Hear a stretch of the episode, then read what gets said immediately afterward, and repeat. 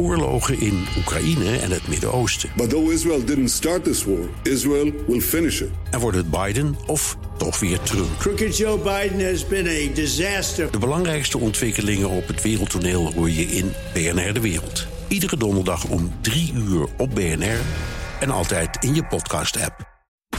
BNR Werkverkenners wordt mede mogelijk gemaakt door BrainNet. BrainNet voor zorgeloos en professioneel personeel inhuren. BNR Nieuwsradio. Werkverkenners. Rens de Jong. We zijn net vers aan het nieuwe jaar begonnen. En ik hoop dat het voor iedereen, zeker ook op werkgebied, een mooi jaar mag worden. Ja, wat kunnen we eigenlijk verwachten? Welke rol speelt corona bijvoorbeeld in 2022? Ik vraag het mijn gasten nu en zal ze daar aan het einde van dit jaar dan ook weer mee confronteren. Nou, de schrik zit er meteen in. Ja, daar krijg ik volgend jaar natuurlijk weer op oren. Kijk, ik denk dat we uiteindelijk toch ook wel zullen moeten leren leven met het bestaan van dat virus. En ik hoop dat er een middel wordt gevonden waardoor we daar veel minder last van hebben dan nu. Maar dat zal een impact blijven houden. En ook de anderen wagen zich niet aan een einddatum voor corona. Niemand weet hoe het zich ontwikkelt. Het staat zeker nog in het teken van corona. Kortom, we kunnen wel concluderen: corona speelt in 2022 nog een grote rol. En dan met name dat medewerkers zich in 21 een bepaalde manier van werken hebben toegeëigend. Ik gebruik dat woord heel bewust. En daar zullen ze waarschijnlijk in 22 mee doorgaan. En misschien verschuift carnaval gewoon wel naar de zomer. Ik ben zelf carnavalsvierder. Oh, ja. En ik, ik, moet, ik moet er ook nog even aan wennen hoor. Dat dat dan niet meer rillend in de kou eh, door de Maastrichtse straten lopen wordt. Maar in een zomerpekske. Ja, het nieuwe kabinet zal in 2022 ook wel met het rapport van de commissie Borslap aan de slag gaan. Maar veel daarvan zal best nog wel even duren. Een paar veranderingen zullen wel dit jaar worden doorgevoerd, voorspelde mijn gast net even voor de jaarwisseling. Die veranderingen denk ik dan met name ook... die zitten toch in de discussies over uh, arbeidsongeschiktheidsverzekeringen voor zelfstandigen... Uh, pensioenopbouw voor zelfstandigen. Dat moet, dat moet allemaal geregeld worden en vorm krijgen volgend jaar. En dit wordt een jaar van alles uit de kast trekken... om goede mensen voor je organisatie te vinden. Heel veel werkgevers organiseren nu ook een ontbijt. Of dat je eerst kunt wandelen om eerst kennis te maken met de mensen die er nu werken. Werkverkenners. Wat hebben een HR-man, iemand die de werkgevers vertegenwoordigt, een oud lid van de commissie Borslap en een sollicitatie-expert gemeen? Nou, ze kennen allemaal de personeelskrapte en de corona een hoofdrol toe in 2022. Ik ben Anne Megens, ik ben coördinator beleid bij AWVN. 2022, dat wordt het jaar dat we wat creatiever met corona gaan omgaan. Toch? Creatiever met corona. dat uh, corona iets meer normaal wordt misschien. Ja, dat. Ja. En dat we er dus... Nou ja, ik zag een aardig artikel in de krant... van waarom vieren we carnaval niet in de zomer en dat Ja. soort dingen. Ja, ik, dat zijn wel heel interessante, prikkelende gedachten. En als ik, ik, ik las dat artikel ook en ik dacht, wat zou dat voor de werkvloer kunnen betekenen? Nou ja, bijvoorbeeld grote evenementen die je als bedrijf organiseert. Gaan we dat nou nog op precies dezelfde manier doen als we altijd hebben gedaan? Wordt het niet vanzelfsprekender om dan een zelftest te doen van tevoren? Om dat te vragen van je medewerkers? Wordt het niet vanzelfsprekend om dat inderdaad in de zomer te doen als je lekker buiten kan staan? Dat vind ik wel, ja, interessante vragen waar werkgevers ook echt al wel mee bezig zijn. Want dat in de winter corona een gevaar blijft, is volgens mij wel, kunnen we wel voorspellen. Ja, dus ik denk dat misschien bedrijven ook wel gaan zeggen... oké, de winter wordt toch een soort met van gedeeltelijke lockdown. Daar kunnen we nu al rekening mee gaan volgend jaar. Jongens, vanaf oktober, nou, zitten we wel iets meer thuis met elkaar, toch? Ja. Nou ja, als je, ja, ja, je zou wel, eh, als, je de, als je dat voor wil zijn, hè, dat je helemaal dicht moet en allerlei ellende op je hals haalt in de winterperiode, zou je er wel over na kunnen denken. Maar ja, dat kunnen werkgevers natuurlijk niet alleen. Dat is ook iets wat we als samenleving moeten willen. Raymond Puts die zei in 2021 van... ik hoop dat we een voortvarender testbeleid krijgen. Zie jij dat in 2022 meer gebeuren? Dat we inderdaad gewoon veel meer gaan zeggen... oké, we oké, testen die handel eventjes. Ja, ik denk dat dat wel gewoner wordt, ja. Ja. Ook daarin eh, vind ik best een grote verschuiving. Voor corona en ook na het begin van corona was het echt omstreden. Mag je als werkgever of überhaupt als organisatie vragen aan mensen om zich te laten testen? Dat raakt toch aan de gezondheid, privacy. En nu is het gewoner, ook omdat collega's er zelf om vragen. Mhm. Alsjeblieft, laten we dat nou doen. Want dan kan in elk geval zo'n een evenement of een vergadering of iets dergelijks wel doorgaan. Eh, maar dan lopen we niet al te grote risico's. Ja. En dat eerste, hè, dat dingen niet doorgaan, dat, dat, moet, ja, dat vinden mensen ook. Dat Begint wel pijnlijk te worden ja, nu. Aan het Ja. eind van het Latijn zijn we allemaal een beetje. Maar dan is het dus wel zo, want wij hebben daar eh, volgens mij samen ook nog wel uitzendingen over gemaakt. Ja, mag dat wel? En et cetera. Gaan we daar dan nu met z'n allen aan voorbij? Nou, dit is natuurlijk weer dat schimmige juridische gebied. Kijk, vaccineren hebben we het eerder over gehad. Dat blijft nog steeds, denk ik, heel erg moeilijk. Mhm. Testen, ja, je mag vragen om een test. Je mag als medewerker ook weigeren. Ja. ja. Dus ja, Maar dan gaat het dus iets meer om een soort sociale druk van je collega's. Jongens, we doen het allemaal, dus doe het ook even mee. Ja. Ja, en het helpt natuurlijk dat dat nu in de horeca en als je als klant bij een evenement bent ook al moet. Dus het begint wel ja, eh, gemeengoed te worden. E- Even over dat vaccineren. Alles wordt normaler. Ik kan me ook voorstellen dat in 2022 werkgevers iets meer. Ik zou willen zeggen druk gaan uitoefenen, maar je kunt ook zeggen meer informatie gaan geven, iets besturender zijn. Jongens, haal die boosterprik of haal sowieso die vaccinatie. Denk jij dat werkgevers dat durven te gaan doen, of zeg je nee, dat is nog echt heel moeilijk? Die oproep zeker wel. Mhm. Gebeurt ook echt wel. Eh, Ja, zie je dat? Ja, ja, ja, ja, zeker. Ja, zeker op die, in die bedrijven, op plekken waar de vaccinatiegraad verondersteld wat lager is. Waar bijvoorbeeld mensen met een migratieachtergrond eh, werken. Ja, daar doen werkgevers wel hun best om nou, in elk geval de, de, de mogelijkheden te creëren om, om die prik te gaan halen. Eh, daar schrikken ze niet zo voor terug. Eh, een ander verhaal is om echt te, ja, te, te dwingen of ehm, ja, de, de toegang tot het pand te ontzeggen als je niet je vaccinatiebewijs kan laten zien. Dat, Dat- blijft nog steeds heel lastig. Mhm. En ik merk ook wel steeds meer dat werkgevers ook eh, het moeilijk vinden om die discussie binnen te halen op de werkvloer. Het is al zo'n gepolariseerd thema. Als je dat ook nog eens in teams onder collega's tot topic van de dag gaat maken, ja, dan eh, wordt de werksfeer er niet beter op. Mijn volgende gast zei eerder al dat alle rechten die mensen zich tijdens de corona hebben toegeëigend, schreeuwen om duidelijk leiderschap over wat er nou wel en wat er niet kan op de werkvloer. Mijn naam is eh, Kilian Wawoe. Ik ben werkzaam aan de Vrije Universiteit Amsterdam. Daar hou ik me bezig met eh, eh, onderzoek en onderwijs op het gebied van personeelszaken. Werk ook al twintig jaar in het personeelsvak. En afgelopen jaar, in 2021, heb ik een boek gepresenteerd over het thuiswerken. We hebben net twee jaar lang doorgehad van ja, daar ga je eigenlijk helemaal niet meer over, baas. Dus het wordt nog best wel eventjes het schip eh, strak in de kader trekken. Ja, en toch ga je er denk ik wel over. Pak eh, regie. En ik weet dat dit helemaal tegen alle l- vertrouwen management is. En dienend leiderschap. En zo. Ik denk dat we daar echt mee moeten stoppen. En, en pak nou gewoon eens, daar ben je leider voor. Maak afspraken. Zet kaders. Verbied dingen. Ja, zoals honden op kantoor. Ja, zoals een hond op kantoor. Ik zie, je moet je voorstellen, dat je allergisch bent, er zit een hond op kantoor. Ehm, ik zie je lachen. ja, ik ben het helemaal met je Je wil niet weten wat ik gezien heb afgelopen. Oh, het is echt verschrikkelijk. Eh, eh, eh, honden, mensen die in trainingspakken naar kantoor gingen. Je moet zelf weten wat je aantrekt, maar als advocaat is dat soms een beetje raar. Ja. Mensen, iedereen denkt gewoon: van, ik, ik ben nu gewend te werken zoals ik wil. ja. Ja, nou, nee. Nee, nee. Maar, maar ik zit wel, ik moet er gewoon over nadenken. Dat je ja, de afgelopen twee jaar hebben we zo'n gewoonte opgebouwd. Die zegt, oh, het voel... Kijk, wat grappig is namelijk, door het zo los te laten, zijn we het allemaal wel ook wel een beetje prettiger gaan vinden. Is ook zo. Ja. Dus ja, mensen gaan gewoon af en toe in niet een pak naar het werk toe. Ja, Ja. whatever, weet je wel. Nou, dus dus dat wordt nog wel even een dingetje. Ik sprak laatst een advocaat die zei: Ja, die was zelf was 40 en, en een collega van 25. Die zei: Ja, die collega van 25 komt nu in zijn trainingspak. En we gaan, eh, we gaan naar een klant toe. Onverwacht, dat was onverwacht. Hè? Want ja, heb je soms dat die klant. Is onverwacht. En, nou, en, en zij vond dat niet representatief. Ik laat het aan de luisteraar hoe een advocaat eruit moet zien. Maar daar moet je. En toen, voel- en toen kwam het mo- moment van de zei, Wat heb je gezegd? Ja. Ja, toch maar niks. Of Oh, zou je volgende ja. keer. Ja, denk ja, dat is toch geen leiderschap. Ja. En dan is het eigenlijk handiger om van tevoren helderder weer te zijn. Jongens, we zijn weer terug. Uh, of we gaan het op een andere manier doen. Ja. This is how we're gonna do it. Ja, en dit betekent het voor je hond. En eh, als je kinderen ziek zijn, mag je dan zelf bepalen dat je een dag vrij neemt. Mag je drie dagen eerder op vakantie en daar dan. Maar dan krijgen we een heel dik rulebook, toch? Ik denk dat dat wel meevalt. Maar, en, maar stel nou dat dat zo is. Waarom zijn we nou zo bang om dingen vast te leggen? En waarom zijn leiders zo bang om nou gewoon eens een keer te zeggen wat ze willen? Ja, omdat, eh, omdat leiders eh, de afgelopen tijd alleen maar gebombardeerd zijn... dat we niet meer die hiërarchische hark willen. Ja, maar in het belang van het, van het team. Hè? Dus je bent aanvoerder van een team. Ja, dan, dan moet je ook de kwetsbaren beschermen. En als ik nou toevallig bang ben voor honden of allergisch of wat dan ook... Ja, dan, moet je er wat van vinden. Ja. Dan moet je niet zeggen van iedereen mag het zelf weten. Nou, en dat is wat ik, wat ik heb gezien in 2021. De honden, trainingspakken. eh, nogmaals, ik heb niks tegen honden, niks tegen trainingspakken. Maar, maar leiders die niet durfden te leiden.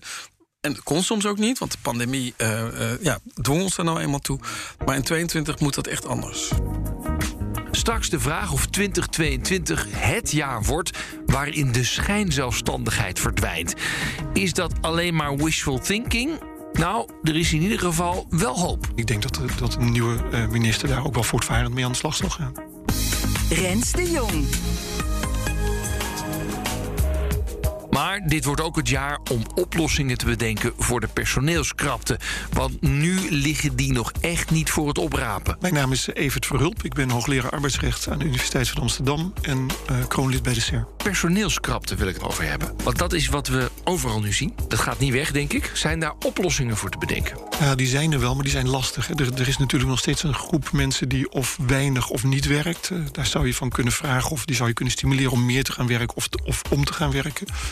Dat is denk ik maar een beperkt mogelijke oplossing. Heel veel mensen zijn helemaal niet bereid om meer uren te maken. Sommige mensen hebben wel echt een grote afstand tot de arbeidsmarkt en dat los je ook niet zomaar op. Ehm, je kunt aan immigratie denken natuurlijk. hè, Want moment dat je mensen van het buiten naar binnen haalt, dan zouden die ook die arbeid kunnen verrichten. Je kunt ook aan automatisering denken. Digitalisering, dus, dus het vervangen van menselijke arbeid door eh, eh, computers of andere, andere manieren van die arbeid. Trouwens, want jij zat net beneden hier in de, in, de, in de wachtruimte van BNR. En volgens mij heb je net een tentamen digitaal geopend. Want ik zag allemaal studenten op de iPad. Ja, klopt. Ja. Ik weet niet of dat nou slimmer werken is. Maar het is eh, misschien Nou ja. is het wel heel onhandig om dat te doen. En is het eigenlijk ook wel flauw om dit nou in de uitzending te verkondigen. Want Nee, ik maar dat is, dat ik, vind het juist, ik, vind het juist wel grappig dat, dat het is. Normaal gesproken hoor je dan daar aanwezig te zijn. Kan me zo voorstellen. Ja. Ja. En nu heb je het, eh, jongens, ik vertrouw jullie, jullie gaan aan de gang. Ja, maar dat, daar zijn natuurlijk ook methoden voor die Ja. wij overigens eh, niet zomaar hanteren. Want je hebt van die, van die ehm, controle eh, Ja. Daar geloof ik eigenlijk niet zo in. Ik vertrouw veel meer op mensen en denk, nou ja, ze zitten thuis, eh, ze hebben hun camera aan. Maar als ze echt willen frauderen, dan zou dat moeten kunnen. Nee, ik vind het juist, ik vind juist een grappig beeld van, van een universiteit die nou, waarschijnlijk al 150 jaar op één manier doet. En nu opeens dat eh, de, de hoogleraar eh, even via de iPad de, tentamen opent. Ja, ja, ja nee, dat, dat, ik weet niet of het slimme werk is, maar het is natuurlijk wel een nieuwe methode. Maar dat, dat zie je in de, in de, in de hele eh, arbeidsmarkt terugkomen. Dat mensen veel meer thuiswerken, digitaal toch heel veel oplossingen vinden. Ehm, eh, dus ook, toch ook wel iets op een iets andere manier gaan werken. Ja. Ehm, die, die krapte, die blijft er nog wel. Ondanks als we alles gaan oppakken, toch? Ik durf nou ook zeggen, maar ik zou het hopen. Want dan betekent het dat we, dat we eh, goede werkgelegenheid hebben. Dat zie je. Want eh, net is weer bekendgemaakt dat de werkloosheid weer is gedaald. Ik geloof dat we nu onder de 3% zitten. En dat is echt, dat is echt een unicum. Ik geloof dat in 2003 dat voor het laatst gehaald is. Ehm, dus dat is heel fijn. Ehm, het leidt er wel toe dat je iets minder economische groei kunt realiseren. Nou, dat is, ik weet niet of ik dat nou heel problematisch vind. Want ik geloof meer dat op het moment dat iedereen werk heeft wat hij leuk vindt, dat dat een, een betere invulling van de samenleving is dan maximale economische groei. Maar je, ja, dat blijft natuurlijk wel een probleem Ja. voorlopig. Maar dan zou je ook kunnen zeggen, dan, dan worden die werkgevers ook wel gedwongen, misschien worden ze dat nu ook al wel, om nog zorgvuldiger te gaan zorgen voor duurzamere arbeidsrelaties. Zeker, ja, maar dat, maar dat, dat is ook eh, helemaal niet erg. hè. Je ziet nu al dat werkgevers toch ook inzetten op duurzaamheid. hè. Het gaat niet alleen over klimaat, maar het gaat ook over relaties die ze aangaan. Dus ook met, met arbeid. En dat is denk ik heel terecht. Ja. Aan de andere kant, CAO-onderhandelingen, begrijp ik van de AWVN, lopen nog best lastig. Ja, maar dat komt omdat heel veel werkgevers nog een beetje bang voor de toekomst zijn. Die weten niet hoe corona zich ontwikkelen. Eh, dus die durven niet zomaar in arbeidsvoorwaarden tot uitdrukking te brengen dat er een tekort is. Ja. En dat, dat ja, ja, onzekerheid is natuurlijk altijd voor een ondernemer een lastig punt. Eh, en de enige zekerheid die als je een CAO afsluit, eh, die je dan hebt, is dat je weet dat je die lonen moet gaan betalen. Maar je hebt een probleem als je niet zeker weet dat je dat ook kan verdienen. Mijn volgende gast ziet wel dat de krapte werkgevers laat inzien dat ze de werving over een andere boeg moeten gooien. Ik ben eh, Aaltje Vincent en ik help mensen eh, slim solliciteren en werkgevers goed omgaan met hun sollicitanten. 2022, staat het nog in teken van corona? Ja, dat staat zeker nog in teken tot corona. En het staat ook in het teken van eh, ja, wat, wat dan mijn vak is: van, eh, dat er nu meer mensen werken dan ooit en lage werkloosheid. Ja.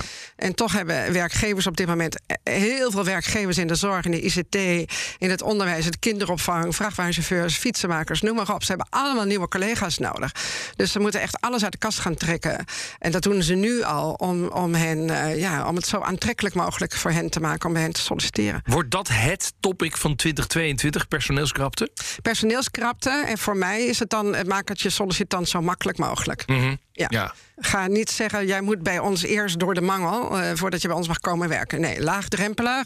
Dus dat betekent dat je functie-eisen, dat je dus van, van de acht eisen, dat je echt vraagt van nou, welke zijn nou essentieel. Uh, dat je ook zelf mensen gaat uh, opleiden. Dus dat, zal, dat maakt je dan ook makkelijk om binnen te stromen. dat je mensen zegt van nou ja, als je bij ons wilt solliciteren. In de zorg heb ik al werkgevers als klant die zeggen, nou stuur maar een appje en we bellen je. En die realiseren zich ook van ja, solliciteren is gewoon hartstikke ingewikkeld. Niet iedereen vindt dat leuk. Dus stuur maar een appje en dan bellen we je. Uh, bijvoorbeeld de HEMA is al gestopt met cv's te vragen aan mensen voor het winkel, voor horeca en van vrachtwagenchauffeurs. Dus, dat, dus het wordt makkelijker. Er worden minder functie-eisen gesteld. Het wordt makkelijker om ergens binnen te stromen en uh, zonder de kwalificaties en daar opgeleid te worden. Het wordt makkelijker om te solliciteren. Maar ben je niet bang dat het dan toch solliciteren een soort spiegeltjestest wordt? Uh, namelijk, je houdt een spiegeltje tegen de mond aan... en als hij beslaat, dan ademt iemand nog en dan is hij geschikt? Nee, nee dat denk ik niet. Nee, nee, want je wilt natuurlijk wel... en dat wil de sollicitant natuurlijk ook niet. Hè. De sollicitant wil nee, maar natuurlijk... goed, wil, stuur geen cv meer op app, maar gewoon... Ja. Weet je, ja. Maar ja, omdat die werkgevers zich realiseren... dat solliciteren is gewoon een hell of a job voor veel mensen. Mhm. en, en daarnaast is solliciteren ook hoop op een beter leven, per definitie. Ja. Dus je wilt altijd een beter leven als je solliciteert. Dus je moet als werkgever wel echt eerst inzage bieden... op je website, maar ook door eh, de persoonlijke ontmoeting. Dus zij realiseren zich, wij moeten mensen helpen in het besluit... ja, ik ga solliciteren, door heel veel inzage te geven... hoe het is om daar te werken. Ja, dus eigenlijk 2022 wordt het jaar waarin we het werven echt anders gaan doen. In, in de ervaring die ik heb met mijn opdrachtgevers... die het werven echt uh, uh, op zijn kop zetten. Dus eerst heel veel informatie geven met uh, goede video's, met podcasts, met open huis, met wandelingen, met ontmoetontbijten. Ja, die hebben, die hebben veel meer sollicitanten. En daardoor kunnen sollicitanten zich zelf dus ook beter selecteren. Die kunnen beter zeggen: Oh, nou, dit, dit past echt bij mij. En uh, hier wordt mijn leven echt beter van. Hè. Ze realiseren echt: what's in it for me? En dan gaan ze solliciteren. Dus je hebt ook betere sollicitanten dan ooit als je het op die manier doet. HR-onderzoeker Kilian Wawou zoekt de oplossing in het efficiënter inzetten van het huidige arbeidspotentieel. Om het onderwerp uh, thuiswerken en personeelstekort aan elkaar te verbinden. We, moeten dus het huidige personeelsbestand moeten we beter gaan benutten. En zorgen dat mensen gewoon ook meer gaan werken. En daar, daar moeten we het over hebben. Een van de olifanten in de Kamer is dat we gewoon heel veel deeltijdwerk hebben in Nederland. We hebben een tekort aan leraren, maar je kunt ook zeggen... leraren werken te weinig. Mm -hmm. Ik weet dat ik misschien daar opgewacht word bij de fietsenstalling als ik dit zeg. Maar ja, als iedereen parttime, als veel mensen parttime werken... is de oplossing ook minder parttime werk. Nou, en hoe zou je dat dan kunnen vormgeven... door bijvoorbeeld mensen meer te laten thuiswerken of meer uh, uh, nou, andere. Uh, bijvoorbeeld in het onderwijs. Ik heb mijn kinderen zitten alle twee op, op school nog. Ja, is het nou echt nodig dat er op, voor iedere klas bij ieder uur een docent staat? Ja. Als er nu eentje ziek is, dan hebben ze een uur niks. Terwijl we tijdens de pandemie hebben geleerd dat je prima uh, ook wel eens. Hè, ik zeg niet dat, dat onderwijs online heeft ook heel veel nadelen. Maar er is gewoon meer mogelijk. Dat klinkt heel raar, Rens, maar ik, ik sta op dit moment college te geven omdat er gewoon een filmpje is opgenomen. Dat wordt nu afgespeeld. Oh ja. Dat kan. Ja. En dat gaat niet alles vervangen. Maar ik ben nu van twee lessen in de week naar, naar één gegaan. En ja, dat, dat kan. Ja. Dus eigenlijk zeg jij, wees dus ook flexibel in ja. dat je niet alleen maar uh, met mensen 40 uur in de week met alle diploma's en dat soort dingen. Ja, exact. Dus er, er, zijn, er zit een, een deel uh, van de oplossing. Dus zorgen dat mensen die nu werken. Uh... Waarom vinden we dat zo moeilijk om het werk aan te passen aan de omgeving waarin we zitten? Ja, omdat dat we gewoontedieren zijn. Ik, ik moet sowieso zeggen, ik, ik, zie nu, ik heb een zoon op de middelbare school. Uh, ik zat 30 jaar geleden op de middelbare school. Het is echt een kopie. Er is echt niets, maar ook echt niets veranderd. Terwijl de wereld omheen gigantisch is veranderd. Mhm. Mm -hmm. dus de vakken die ze hebben, de manier waarop les wordt gegeven. En uh, tijdens de pandemie hebben we iets nieuws geleerd. Dus we, we zijn geneigd om, om weer terug te gaan naar oud gedrag. Maar laten we even fundamenteel nadenken over hoe, hoe zou dat nou efficiënter kunnen. Mm -hmm. En nogmaals, ik, ik, heb, ik zeg, het laatste wat ik zeg is... onderwijs moet online worden, want het heeft heel veel nadelen. Maar je kunt bepaalde dingen anders doen. Ja, maar kunt... en is dat in andere vakken ook zo? Want dit is ja. natuurlijk heel... Ja? Ja, en je kunt ook mensen, eh, eh, als ze zeggen... Ik, ik wil meer thuiswerken omdat ik eh, twee uur per dag verlies aan heen en weer rijden... Ja, dat, nou, als dat twee uur per dag scheelt, nou, dat is nogal wat. Ja. Eh, dus we kunnen productiviteit ook verhogen. Maar wordt dat, wordt dat dan ook inderdaad eh, de inzet van 2022? Van jongens, we gaan slimmer nadenken Ja. over hoe we meer werk voor elkaar kunnen krijgen en meer mensen bij het arbeidsproces kunnen krijgen. Ja, ik denk het wel. En Ja. ik denk ook dat dat moet. Eh, en bovendien is dat een concurrentievoordeel. Dus iedere ondernemer moet dit eigenlijk ook willen. Alleen, het, kost wel wat tijd. En we hebben het ook al gehad over dat, over dat thuiswerken. Je moet het niet zomaar vrijlaten. Dat zijn dus best complexe projecten. Mhm. Ja. Maar aan de andere kant, een crisis is een kans... om er maar een cliché tegenaan te gooien. Dit is het moment om na te denken over hoe werk er in de toekomst uit moet gaan zien. Ja. En daar moeten wij dus als bazen gaan nadenken: oké, we gaan het gewoon anders aanpakken en we gaan roeien met de riemen die we hebben. En dat betekent dus dat we eigenlijk alles, alles op tafel kunnen gooien en ter discussie kunnen stellen. Ja, nou ja, bijvoorbeeld ehm, eh, kunnen we werk uitbesteden aan, aan, aan het buitenland. Hè? Je kunt ook dingen, eh, als we te weinig ICT'ers hebben, kan het dan toch niet wat meer eh, op afstand. Ehm, eh, eh, arbeidspotentieel van vrouwen. Nou, hoe kunnen we zorgen dat, dat die meer eh, eh, in het arbeidsproces zitten? Kunnen we mensen langer laten werken? Hè? Dus mensen die ouder worden, kunnen die. Dus laten we wat, wat meer out of the box denken. Want nu wil iedereen. Dezelfde mensen, die zitten in dezelfde vijver te vissen. Maar die, die vijver is gewoon te leeg. De wet gelijke behandeling op grond van leeftijd bij de arbeid. Sollicitatie- en wervingsexpert Aaltje Vincent had eigenlijk gehoopt dat die vorig jaar al zou zijn ingevoerd. Wat maakt dat deze wet er volgens haar echt moet komen? Het gaat erom dat eh, iedere werkgever aan moet geven aan de inspectie wat zij eraan doen om te voorkomen dat er niet wordt geselecteerd op personalia als achternaam, geboortedatum, et cetera. Dus dat, dat is de wet. Maar, maar die wet is er nog niet. Nee, hij ligt klaar voor het nieuwe kabinet. Hij is controversieel verklaard, dus hij ligt klaar voor het nieuwe kabinet om door hen eh, opgepakt te worden. En verwacht jij dat die eh, er doorheen komt, zeg maar? Ik verwacht het wel. Ja? Het is ook een hoop, maar ik verwacht het wel. Ja, want het is gewoon een uitvloeisel van de grondwet artikel 1 en dan in de praktijk. Ja, je ziet sowieso met wat jij ne- net zei. Ja, als werkgever kun je ook niet zo heel veel eisen meer stellen, toch? Eh, dus, dus, dus het is ook wel weer een beetje de wal doet het schip keren, heb ik het gevoel. Ja, ook dat. Maar ook als werkgever snijd je jezelf ook in de vingers. Als je op dat soort criteria mensen binnen laat. ko- Kijk, als je zegt van op je cv is je geboortedatum niet meer nodig. Bijvoorbeeld, hè, bij het ministerie van Sociale Zaken zeggen ze dat nu bij elke vacature. Dan weet je ook dat je dus altijd iemands hele werkervaring zult lezen bij het besluit gaan we hem uitnodigen of niet. Terwijl er ook werkgevers zijn die kijken naar de geboortedatum en lezen al niet meer verder. Dus het weglaten van de geboortedatum zal ervoor zorgen dat werkervaringen wel gelezen worden. LinkedIn is in november 2015 al gestopt met het vragen naar de geboortedatum en kunnen het dus ook niet meer melden. En die, die profielen worden gelezen. Dat is een wereld van verschil. Heb ik nog iets gemist voor 2022? Werkgevers maken het dus makkelijker om te solliciteren, maar ze gaan er ook veel meer naar de sollicitant toe. Dus op dit moment ken ik eigenlijk alleen maar werkgevers die zich ook vol inzetten op LinkedIn, dus op het sourcen. Dus die wachten niet meer tot sollicitanten zelf reageren, maar die duiken in LinkedIn of in cv-databases om mensen echt te vinden. Dus het, het echt op afstappen op de sollicitant, dat, dat zal echt, echt nog grotere vlucht nemen in 2022. Is het in dit jaar gedaan met de schijnzelfstandigheid? Ja, die vraag die zou ik nog even opwerpen.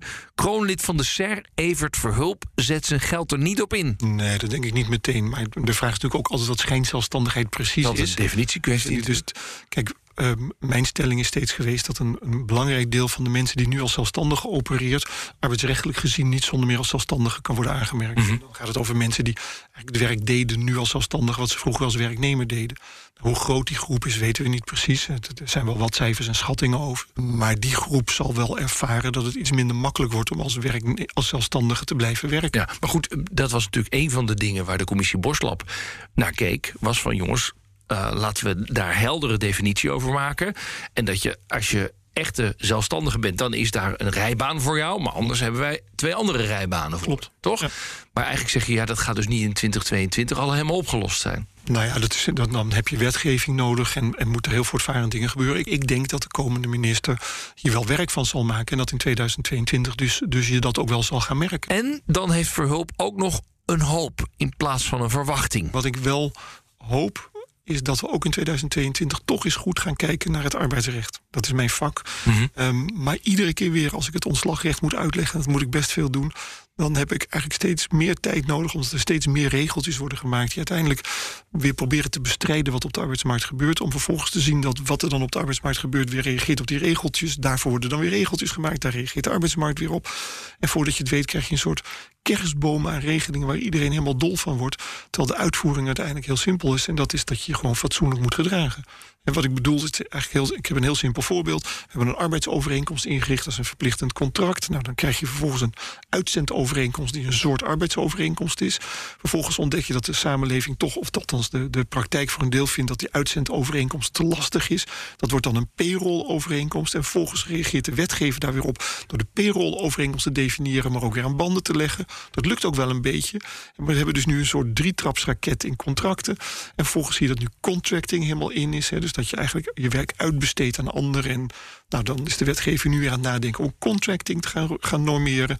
En ondertussen dijt dat wetboek maar uit en denkt de gemiddelde werkgever, tenminste als ik dat zou zijn, waar gaat dit over? Ik heb gewoon mensen in dienst en laat me aan de, aan de slag gaan. Ja.